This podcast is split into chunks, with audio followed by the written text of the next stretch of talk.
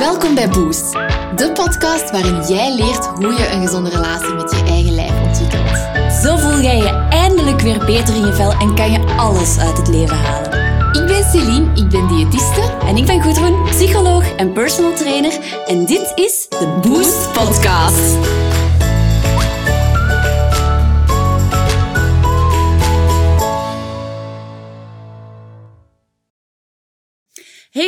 Welkom bij aflevering nummer 2 van onze Boost podcast. Vandaag geven wij jullie een antwoord op de vraag, is diëten echt de oplossing?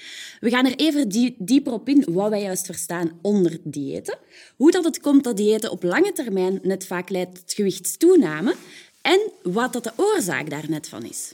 Ja, en vergeet ons zeker niet te taggen in jullie stories wanneer dat jullie deze podcast aan het luisteren zijn, want die zien wij natuurlijk kei graag op jullie stories voorbij komen. En dan kunnen we starten, denk ik. Ja. Nu, jij bent de diëtiste. Leg mij eens uit, wat verstaan wij juist onder diëten? Wel, wat heel veel mensen denken, is dat diëten enkel een proteïnedieet is, een keto-dieet is. Dus echt het typische uh, dat gelinkt Waar wordt... er zeg een naam maar, op plakt. Ja, wat Ja. echt gelinkt wordt aan diëten. Dat is sowieso, voor mij staat dat vast, is dat altijd een dieet. Wanneer dat er regels worden opgelegd, is er altijd een dieet. Maar wat ik ook een dieet vind, is wanneer dat er echt gericht wordt gewerkt naar gewichtsafname. Dus wanneer dat Ja. je echt gewicht wilt verliezen, heel bewust. Mhm. Wat ik belangrijk vind, is het is heel normaal dat mensen de wens hebben om gewicht te verliezen. Mhm. Hier in België, ehm, de, de diëten passeren maar de revue. En ik denk net dat dat hetgene is, dat blijft ehm, iets heel hard werken op korte termijn. Maar dat is Echt al hetgene wat focust voor echt de kilo's die eraf moeten in plaats van je gezondheid doen Ja. toenemen. exact. Dat is eigenlijk een dieet. En ik vind de taak vanuit een diëtiste bestaat erin om mensen gezonder te maken, om Mhm. mensen eh, zowel op eet- en leefgewoonten, maar ook evengoed bijvoorbeeld, wat we heel vaak vergeten, is dat stress en slaap ook heel veel, heel veel invloed Mhm. Ja. hebben op hoe gezond dat je bent. En dat vergeten we vaak. Als we op een dieet gaan, dan denken we vaak van, vol goede moed op maandag, kom, we gaan eraan starten, Eh, ik wil x aantal kilo verliezen. Vaak is daar ook echt een gewichtsgerelateerd doel aan. En dat is hetgeen, als je jezelf al vastpint op een gewicht en je merkt dan na x aantal dagen van, oh, dat begint hier toch wel wat moeizaam te gaan. Of die regels, dat is toch wel wat moeilijk voor mij om te volgen. En je kent het wel, op vrijdagavond, daar is een apéro of, of je gaat met vrienden weg en daar staan bijvoorbeeld chipsjes op tafel en dat past officieel niet in je dieet. en dan, de- en dan, denk je vaak al van, het is om zeep. Ja. En dan denk je... Dus eigenlijk alles waarbij dat je regels kunt breken. Ja, exact. Alles waarbij dat er een regel is, Mhm. ja, dat vind ik een dieet. En wanneer is het geen dieet? Wanneer dat er in principe geen enkele regel is. Dus geen enkele extern opgelegde regel. Nee, klopt. Ja. Maar wat, wat het net zo moeilijk maakt, is dat mensen die regels wel gewoon zijn. En dat Hè? dat gemakkelijk is. Hè? Het is heel ook, gemakkelijk. het is veel gemakkelijker als iemand zegt van, jij moet dat en dat en dat eten. Simpel. Ja. Maar als iemand zegt, jij moet naar jezelf leren luisteren en mensen zo zijn van, eh Exact. dat? Maar dat maakt het als diëtiste heel moeilijk. Want ik weet nog, eh, wanneer ik zelf cliënten begeleidde in mijn praktijk, dan vroeg ik vaak van, heb je graag de hoeveelheden? Mhm. Eh, dat was dan voor de periode waarin ik echt gespecialiseerd was in intuïtief eten. Ja. En dan zei ik ook al van, ik doe niet aan dieet, ik laat mensen niet op dieet gaan, maar ik gaf ook wel schema's mee. Dus onrechtstreeks ja, gaf ik. Ja. die mensen effectief een schema mee en zette ik ze op een dieet. En ik vroeg het altijd wel van, heb je graag hoeveelheden? En die mensen die smakten naar mij van, Ja. ja, geef mij dat schema, ik wil weten hoeveel ik moest eten, eh, of moet eten. En ik maakte mensen daar oprecht blij mee met die structuur te geven. Ja, ja dat, is dat, dat geeft mensen houvast uiteindelijk. Hè? Ja, maar dat, is, het- dat is ook hetgene zo in de, ja, waar ik vandaan kom, voordat ik eigenlijk vooral veel deed rond body positivity en als psycholoog, Mhm. is eigenlijk de fitness community op Instagram, waar de hele tijd wordt gepredikt, it's not a diet, it's a lifestyle, maar je weegt wel elke korrel rijstaf die er in je mond gaat. Dan denk ja. ik zo, Exact, dan is het wel een dieet. Ja. En wat ik heel hard merkte is, wanneer dat mensen dan ehm, voor een opvolgconsultatie bij mij kwamen, dan vroeg ik, en ik allee, sowieso, ik wou altijd eerst een babbeltje doen met die mensen. Hoe gaat het met u, algemeen? En ehm, mensen correleren dat direct aan, hoe gaat het met uw gewicht? Dus dan zo van, boah, ja, nee, ik heb nogal veel gezondigd. En dan vroeg ik, maar, maar ten eerste zondige bestaan niet, hè, daar gaan we het later nog over hebben. Maar dan vroeg ik ook van, ja, wat, wat vind je dan naar jouw gevoel dat er minder goed is gegaan? Ja, ik heb me niet aan de hoeveelheden kunnen houden dat jij hebt gezegd. En dan zeg ik, ja, maar ik vind dat net goed, want je luistert naar je lijf daarmee. Maar omdat ze die regels van mij niet konden volgen, en er waren dan niet heel veel regels, dat was dan puur naar hoeveelheden toe, ehm, hadden ze het gevoel dat ze het niet goed deden. En dat was de moment waarop ik merkte van, het werkt niet, want ik, ik Ja. laat mensen zich niet beter in hun vel voelen. Ja, uiteindelijk werkt het niet, omdat je legt externe hoeveelheden op, wat mensen het gevoel geeft van controle. Ja. Dus je denkt van, als ik dat doe, dan ga ik dat bereiken. Maar het probleem is dat dat totaal geen rekening houdt met hoe dan mensenlichamen verschillen, in hoe dat ze werken, Klopt. maar ook, ehm, en daar gaan we dan ja, wat verder op ingaan, uiteindelijk lijkt diëten vaak tot gewichtstoename, omdat eigenlijk, wanneer je met exacte hoeveelheden gaat, gaat werken op basis van ja, bijvoorbeeld grootte en gewicht, Ja. dan houd je eigenlijk geen rekening met de aanpassingen die je lichaam doet, omdat jij te weinig gaat eten. Klopt. En waarmee dat jij in het begin afvalt, na een tijd ga jij daar ineens niet meer mee afvallen. En dat is niet omdat jij dan minder weegt, een stuk, maar dat is vooral omdat je lichaam eigenlijk zich aanpast aan eigenlijk dat voedseltekort. Want dat weet je eigenlijk niet dat je een dieet hebt. Mhm. Dus eigenlijk kunnen we het dan zo begrijpen dat als we minder calorieën gaan eten, dus we gaan op een restrictief dieet van x aantal calorieën, we kunnen ons daar echt keihard aan houden de eerste dagen, weken. Ja. Dan merken we, we kunnen het niet volhouden. En ons lichaam past ons daar eigenlijk niet aan aan. Want ons lichaam is gewoon dan al om weinig calorieën eigenlijk Ja, binnen te krijgen. uiteindelijk, als je gewoon gaat kijken, de, de mens is eigenlijk nog een redelijk recent wezen dat Ja. bestaat. Wij stammen af van de oermensen, waarin dat hongersnood en voedseltekort eigenlijk nog gewoon iets heel veel Mhm. voorkomend was. Dus ons lichaam is er eigenlijk opgebouwd, biologisch geprogrammeerd, om eigenlijk te voorkomen dat je verhongert. Ja. Dus eigenlijk, wanneer dat jij op dieet gaat, je lichaam kan het onderscheid niet maken tussen dat voedseltekort van duizenden jaar geleden of het dieet dat jij nu beslist om het op te leggen. Dat weet dat niet. Dus dat gaat nog altijd dezelfde reactie hebben als vroeger, toen dat er effectief gewoon voedseltekort was en dat jij kon doodgaan. Dus wat gaat je lichaam doen? Het gaat ervoor zorgen dat jij zo min mogelijk eigenlijk calorieën verspilt. Ja. Zoveel mogelijk opslagen. Er gaan bepaalde aanpassingen gebeuren in zowel je hersenen als in je homeostase. Dus eigenlijk de manier waarop dat je lichaam verbranding, allee, de verbrandingsmotor werkt, gaat alles op een lager pitje zetten. Omdat Dus dat- eigenlijk een vertraagd metabolisme. ja, dus eigenlijk gaat je lichaam automatisch als reactie op een voedseltekort een vertraagd metabolisme hebben. Dus dat is eigenlijk wat dat er bij een dieet gebeurt. Ja. En als jij dan terug voldoende gaat eten, dan gaat dat zich niet terug aanpassen naar je toestand van in het begin, maar gaat dat nog een tijdje die toestand aanhouden. Waarom?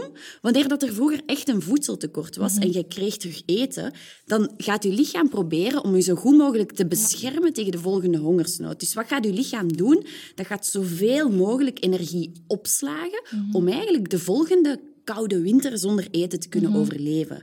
Dus wat dan mensen denken van ja, ik, ik volg een dieet en ik stop met dat dieet en mijn lichaam gaat terug normaal werken, dat is niet waar. Je lichaam heeft zich ondertussen aangepast aan die toestand van te weinig eten en gaat eigenlijk puur om jezelf te beschermen die toestand nog langer aanhouden. Dat is waarom dan mensen na een dieet ineens veel sneller bijkomen door minder te eten Ja. dan ze op voorhand aten. Dat is zo die uitspraak, ik moet er nog maar naar kijken en ik kom al bij Ja. eigenlijk. Ja. Dat komt daar een beetje op neer. Dat is hetgeen wat ik ook heel vaak zeg, is je lichaam weet niet of dat het in een hongersnood zit, of dat je in een woestijn zit waarin dat je geen eten krijgt, of dat je gekidnapt bent, bij wijze van spreken. of dat, dat je op dieet wilt. Je lichaam weet dat, Dat weet niet. dat niet. Nee, Jij weet dat wel, maar je lichaam Klopt. reageert juist hetzelfde op wat dat het ook is. Klopt. Maar dat vertraagd metabolisme waarover dat we nu spreken, dat is wel iets dat we kunnen herstellen. Ja, maar men ziet wel uit onderzoek hoe strenger het dieet is. Dus hoe, ja, echt zo van die hele zware crashdiëten kunnen zelfs jaren na dat dieet nog gevolgen hebben. Daar is een studie van geweest, hè? er is, ik weet niet, ehm, vroeger was ik altijd fan van zulke programma's. Ja, ik had natuurlijk ook een eetstoornis, dus ik Ja, keek naar course, van die gewichtsverliesprogramma's. Ik had een programma in Amerika, The Biggest Loser. Mhm. Dat was eigenlijk een programma waarin dat, ehm, kandidaten met heel zware obesitas Mhm. zoveel mogelijk gewicht moesten verliezen in een bepaalde tijd. En degene met het grootste percentage gewichtsverlies, Mhm. die won ja, 100.000 euro. Echt heel veel geld. Die Ja, won heel veel wow. geld. Maar die moesten dus in een jaar echt zot strenge diëten volgen, keiveel sporten per dag. Dus echt een heel, heel, heel hard crashdieet en heel veel beweging. En men heeft daar onderzoek naar gedaan. Dat is eigenlijk het langstlopende onderzoek naar gewichtsverlies dat er bestaat. Bijna. Ze hebben zes jaar na de start van het programma die kandidaten gevolgd. En wat zien ze? De meeste kandidaten zijn terug heel veel gewicht bijgekomen. Maar ze hebben ook onderzoek gedaan naar die hun metabolisme. En? Dus ehm, eigenlijk vergeleken met mensen die zo'n dieet niet hebben gevolgd. Dus Ja. alles gecontroleerd voor mensen met dezelfde leeftijd, hetzelfde gewicht, Ja. dezelfde lengte, die zo'n dieet niet hebben gevolgd Ja. Eh, verbranden die zes jaar Ja. na dat programma nog steeds gemiddeld 500 calorieën minder. 500 Dus calorieën. 500 calorieën, Ja. dat is belach- Dat is een volledige maaltijd minder Ja. dat die mensen moesten, mochten eten om toch op gewicht te blijven. Ja. Dus iemand dat zo'n crashdieet niet had gevolgd, mocht eigenlijk een volledige maaltijd meer eten als die mensen zonder bij te komen. Dat is zot. Dus dat is echt zot hoe, hoe blijvend dat die impact soms kan zijn. Tuurlijk. Dat is nu een heel extreem voorbeeld, want Ja, dat was klopt. een extreem, extreem crashdieet. Ja.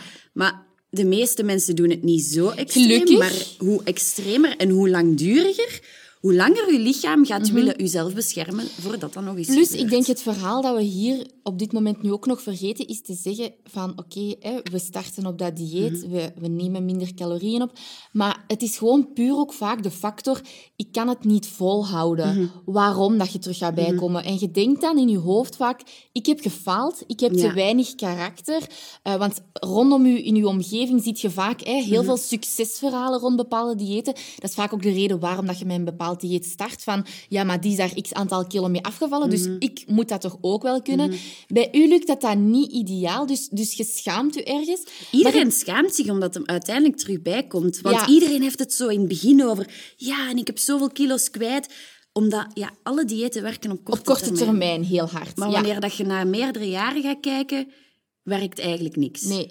Dat is denk ik iets, allee, als, als je nu als luisteraar zoiets hebt van, ik ben een dieeter, ga dan eens naar jezelf kijken van, oké, vijf jaar geleden, hoe, stond ik, hoe, hoe was ik toen qua mindset? Was ik toen, toen ook al aan het diëten?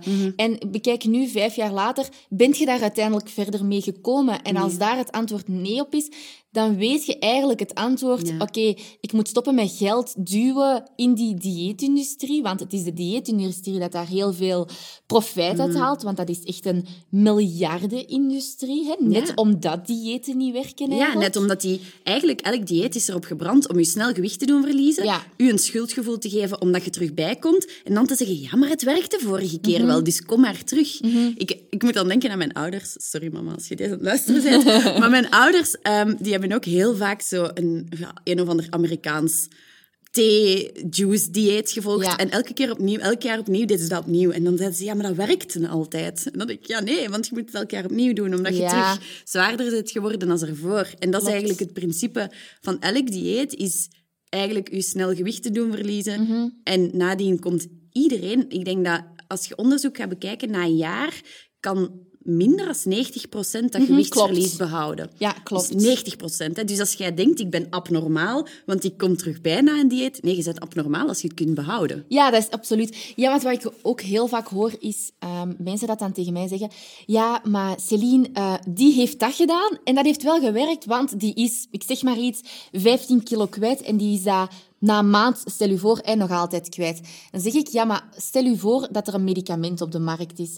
En dat medicament werkt bij 15% van de bevolking wel, maar bij de anderen niet. Is dat dan een goed medicament als dat maar bij 15% zou nooit op de werkt? markt komen. Het zou nooit op de markt komen. Dus dat vind ik gewoon absurd. Met diëten blijven we wel kijken van, ja, maar het werkt, maar we weten gewoon ook niet, werkt het na vijf jaar nog? Want ik denk dat je pas na vijf jaar kunt evalueren, heeft het nu effectief gewerkt? En wat ik daarnet ook nog wou zeggen, is met, dat, met die visieuze cirkel, hè, we kennen het allemaal op maandag starten, op vrijdag bent je je moed al wat kwijt, is je denkt heel vaak, of je start met denken in, wat moet ik minder eten? Ja. En dat is het roze olifant effect, is hetgeen dat jij denkt dat je minder mocht eten, denk maar aan chocolade, denk maar aan chips, dat zijn zo de klassieke voorbeelden dat, dat iedereen dan heeft.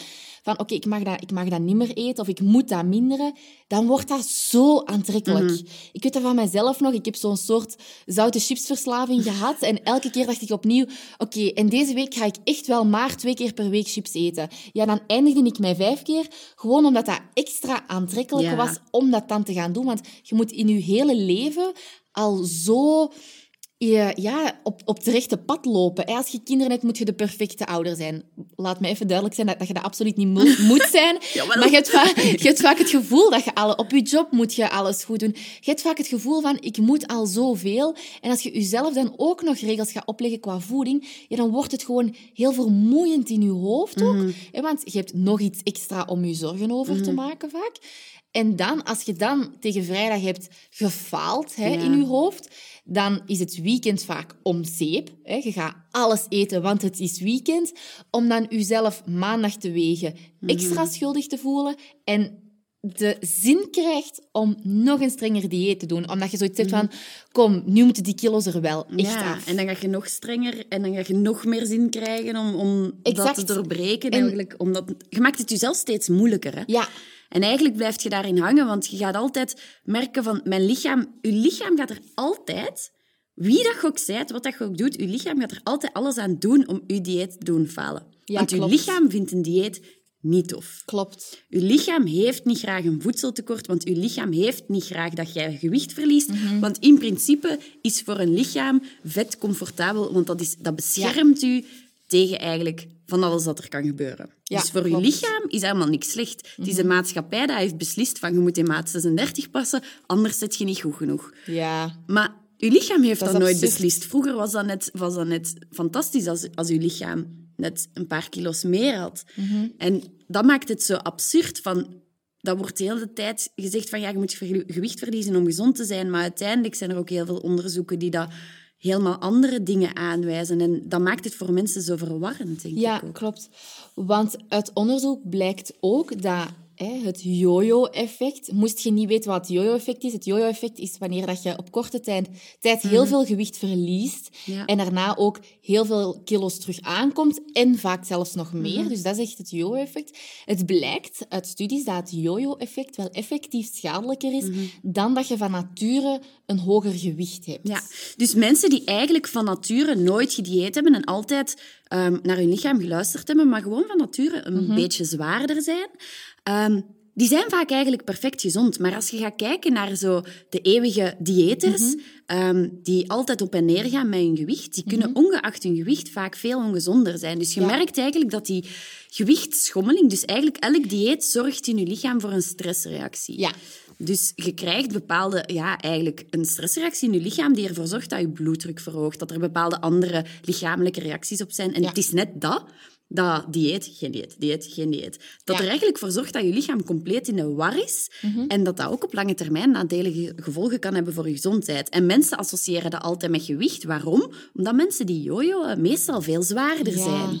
Maar als je in onderzoek gaat controleren voor ehm, die gewichtsschommelingen, Mhm. dan ga je zien dat het vooral de mensen zijn met die gewichtsschommelingen die de nadelige effecten hebben van Mhm. eigenlijk die gewichtstoename. Maar mensen die van nature eigenlijk wat zwaarder zijn, maar wel voldoende bewegen en eigenlijk gewoon naar hun lichaam luisteren, die eigenlijk veel minder nadelige gezondheidseffecten hebben. Ja.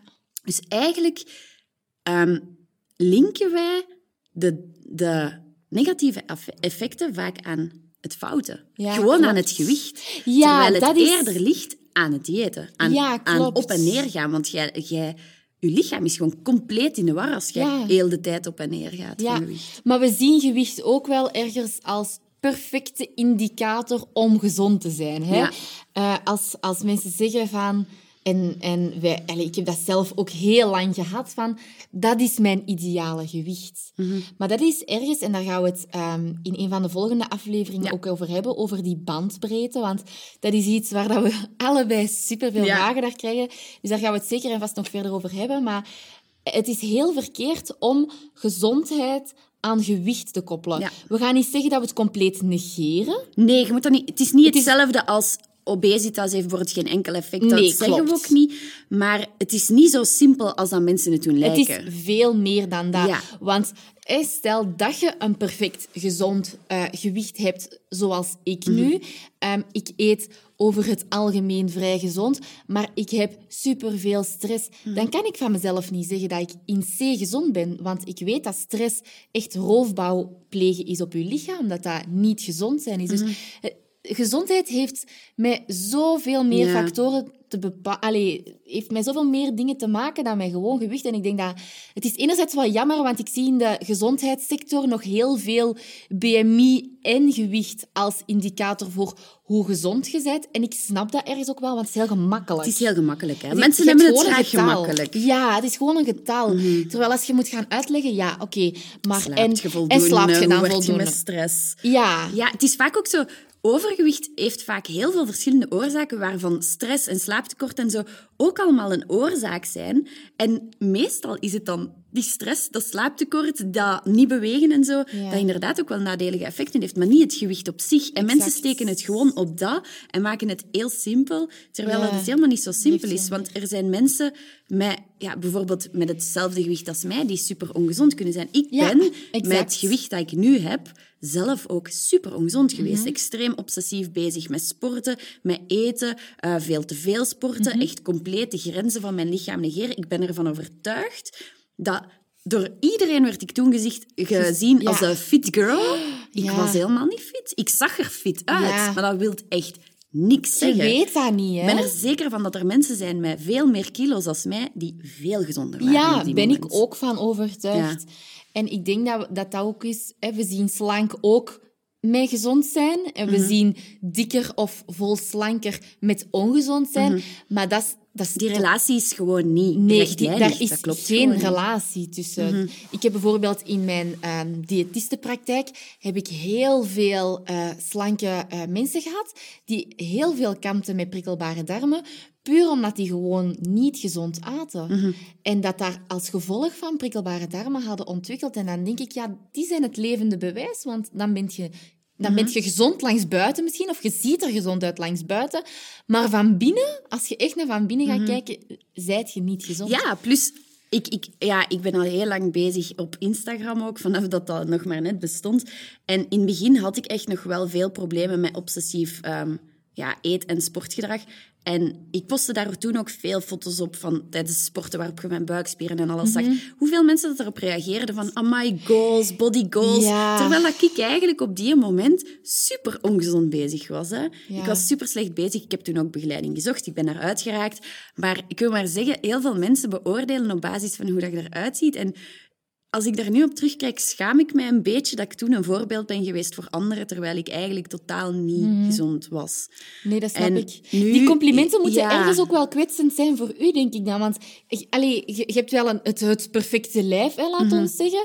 Maar langs de andere kant had jij ook wel zoiets van... Ja, ik krijg hier heel veel complimenten. Maar Op ik, wat? Op, Op, wat? het- op Puur welk op gedrag dat ik stel. Ja, puur op, uw lijf. Drie uur per dag in de fitness zitten, op elke gram Ja. die in mijn mond gaat afwegen. Is dat iets waar je complimenten voor wilt krijgen? Ik vind van niet. Nee. En ik vind dat dan zo jammer, want in de volksmond ben, was ik dan iemand... En ja, ik, ik ben nog steeds eh, iemand die een maat 36 past, maar toen waren er ook heel veel jonge meisjes die naar mij opkeken en die het idee hadden van zo wil ik ook zijn. En nu heb Mhm. ik zoiets van...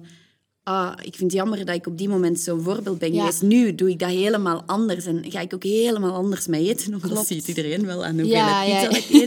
Dat valt Mijn- niet te betwijfelen. Mijn lijf is nog bijna niet veranderd, dus ik zit gewoon op het gewicht waar mijn lijf wil zitten, denk Ja. ik. Maar ik heb wel zoiets van...